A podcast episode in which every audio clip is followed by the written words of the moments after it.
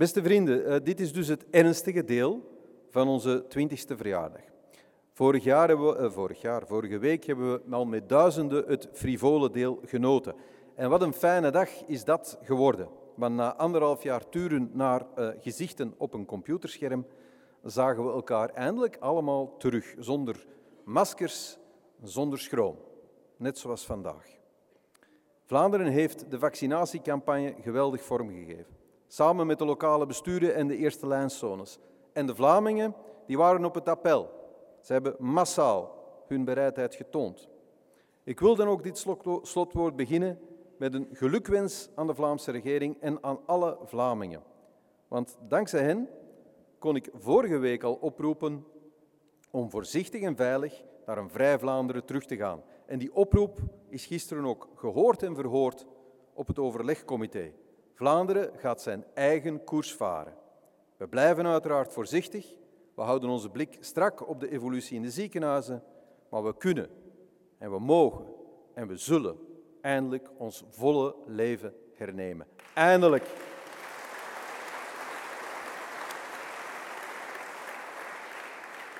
En ik ben er al volop mee begonnen.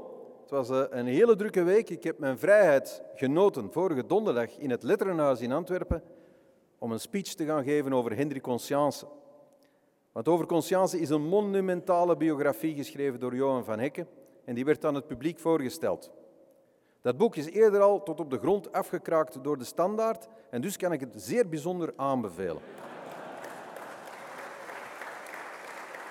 Ik kreeg twee sterren, net zoals mijn vorig boek over identiteit. Twee sterren. De beste boeken krijgen in de standaard twee sterren.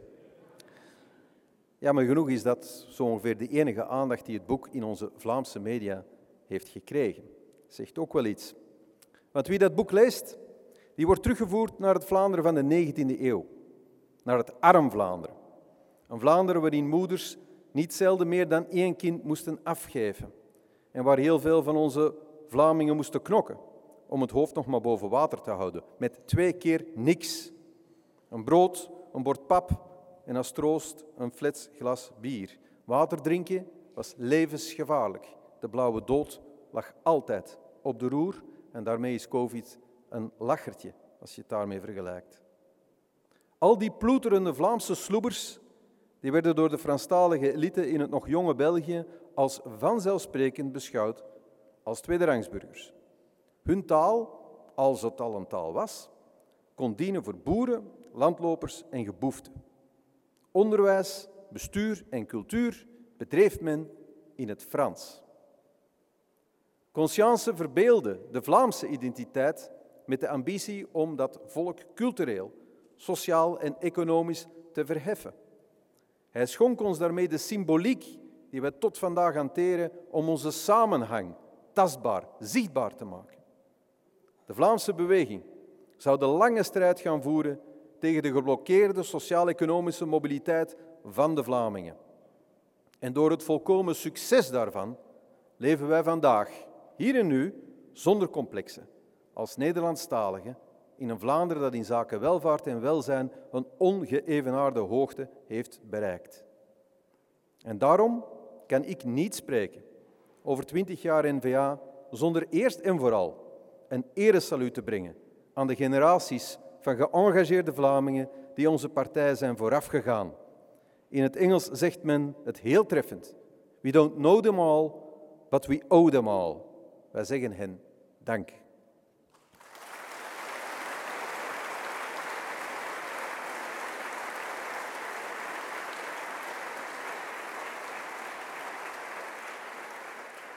De partij die ons direct vooraf ging, was de Volksunie.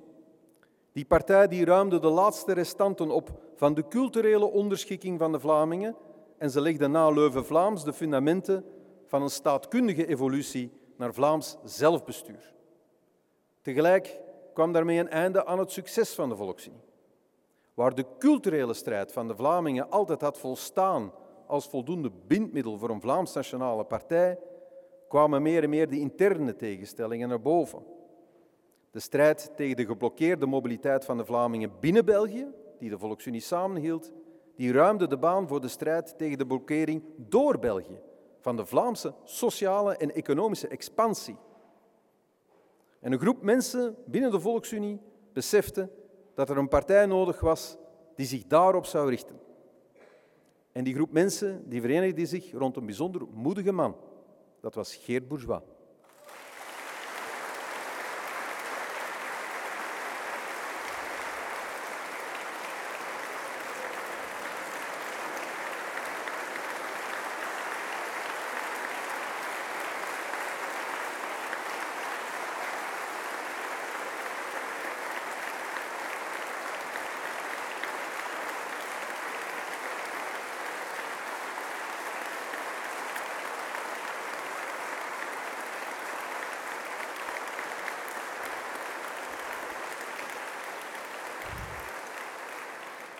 Dank u wel. En dat is een verdiend applaus, Geert. Want in uw herinnering zult jij nog wel weten wat ik ook heb gezien. Achteraf is alles gemakkelijk te verklaren. Maar op dat moment gaf niemand een cent voor die groep mensen en hun plannen. Hun plannen om een partij op te starten die de sociaal-economische agenda van de Vlamingen zou gaan verdedigen. En die de Vlamingen wilde overtuigen dat die agenda alleen kon verdedigd worden door de eigen Vlaamse democratie. Een partij die zo de uitbouw van welvaart en welzijn voor de Vlamingen zou koppelen aan een radicale keuze voor zelfbestuur door de Vlamingen. Die partij, dat is de NVA geworden. En die nieuwe partij, die werd echt niet op een geweldig applaus onthaald.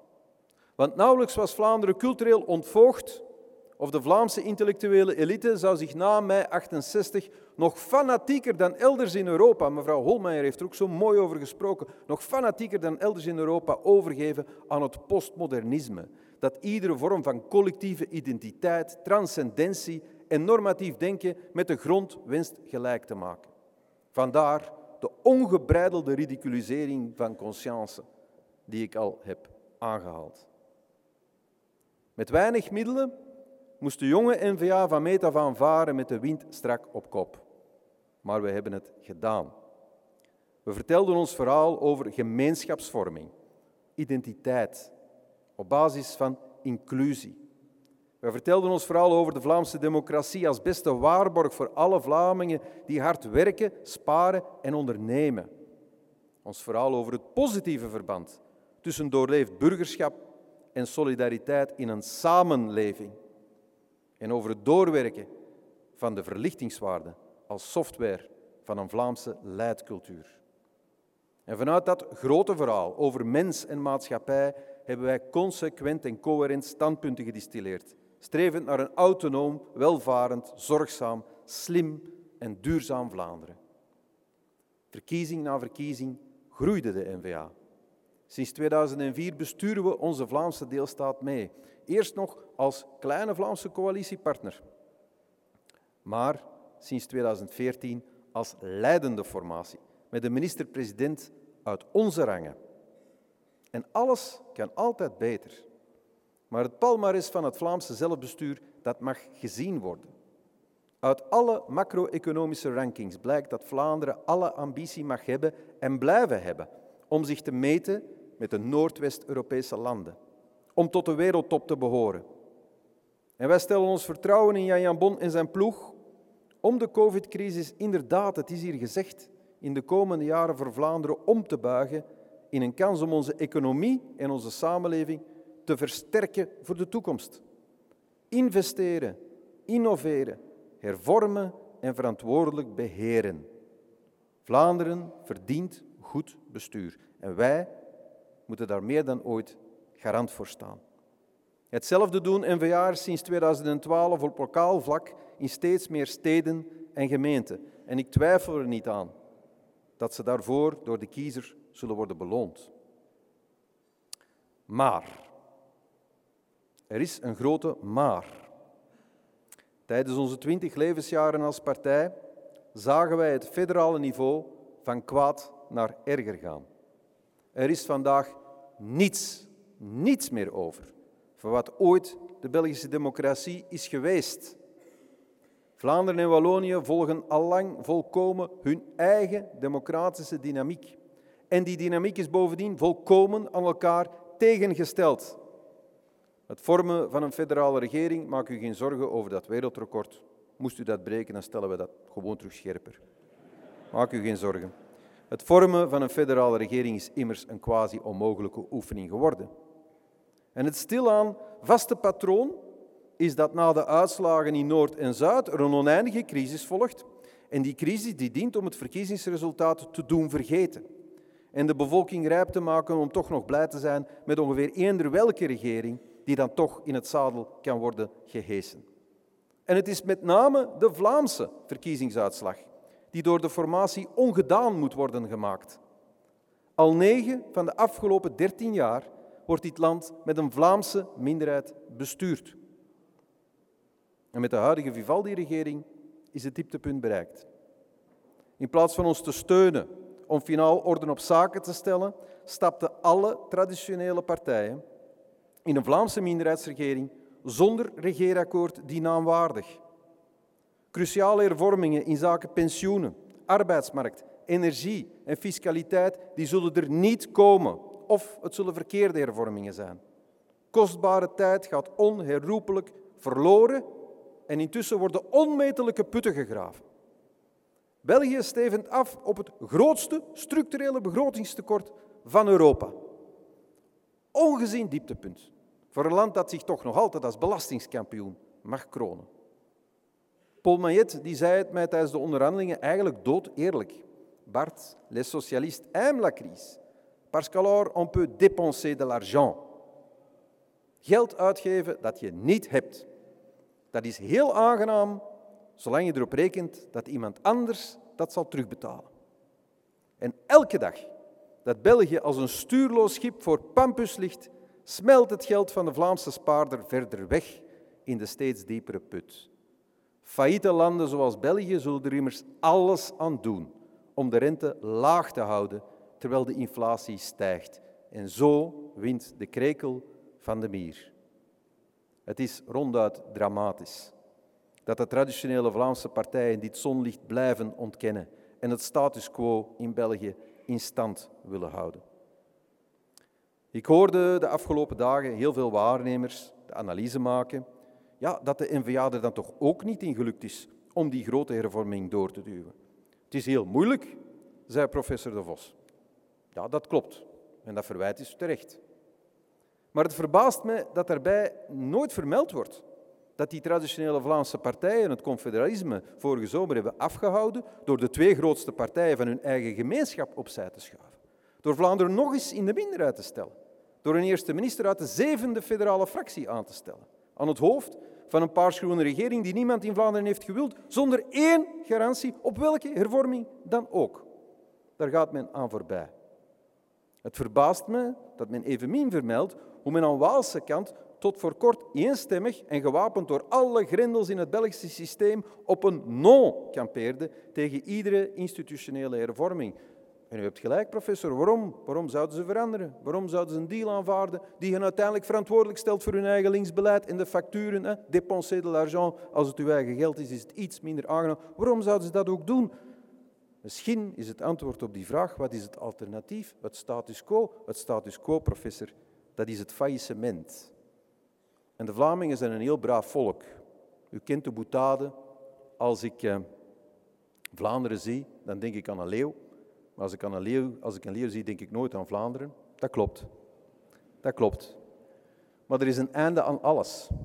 En ik denk dat de Franstaligen beter dan u beseft zich realiseren dat aan alle geduld, zelfs aan het Vlaamse geduld, ooit een einde komt.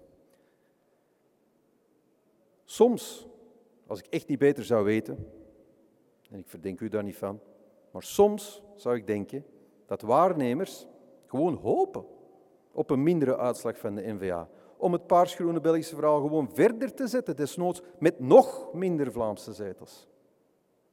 Is dat onze toekomst? Nee, vrienden. Dat is ze niet. Dat mag ze niet zijn. En ik ben optimistisch.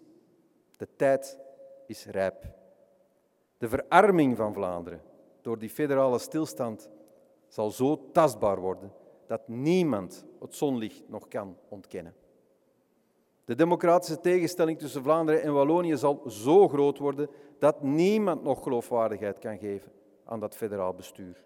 En er is maar één uitweg. Er is maar één oplossing. Dat is het confederalisme. En er is maar één partij die dat kan doorvoeren en dat is de NVA. Beste vrienden, wij zijn twintig jaar oud geworden. Maar we komen van veel verder dan dat. Letterlijk en figuurlijk. Van veel verder. Vele mijlpalen die leken onbereikbaar, maar ze liggen intussen al ver achter ons. Het einddoel lijkt vandaag onbereikbaar, maar feitelijk ligt het vlak voor onze neus. We hebben ons lot zelf in handen. Laat ons dus beginnen, beste vrienden. Laat ons beginnen aan het traject naar 2024. En laat ons er alles, maar dan ook alles aan doen om, voor de om van de Vlamingen een zo sterk mogelijk mandaat te krijgen. Een mandaat voor welvaart en welzijn, voor veiligheid en vrijheid, voor duurzaamheid en innovatie, voor Vlaanderen en voor alle Vlamingen. Dank u wel.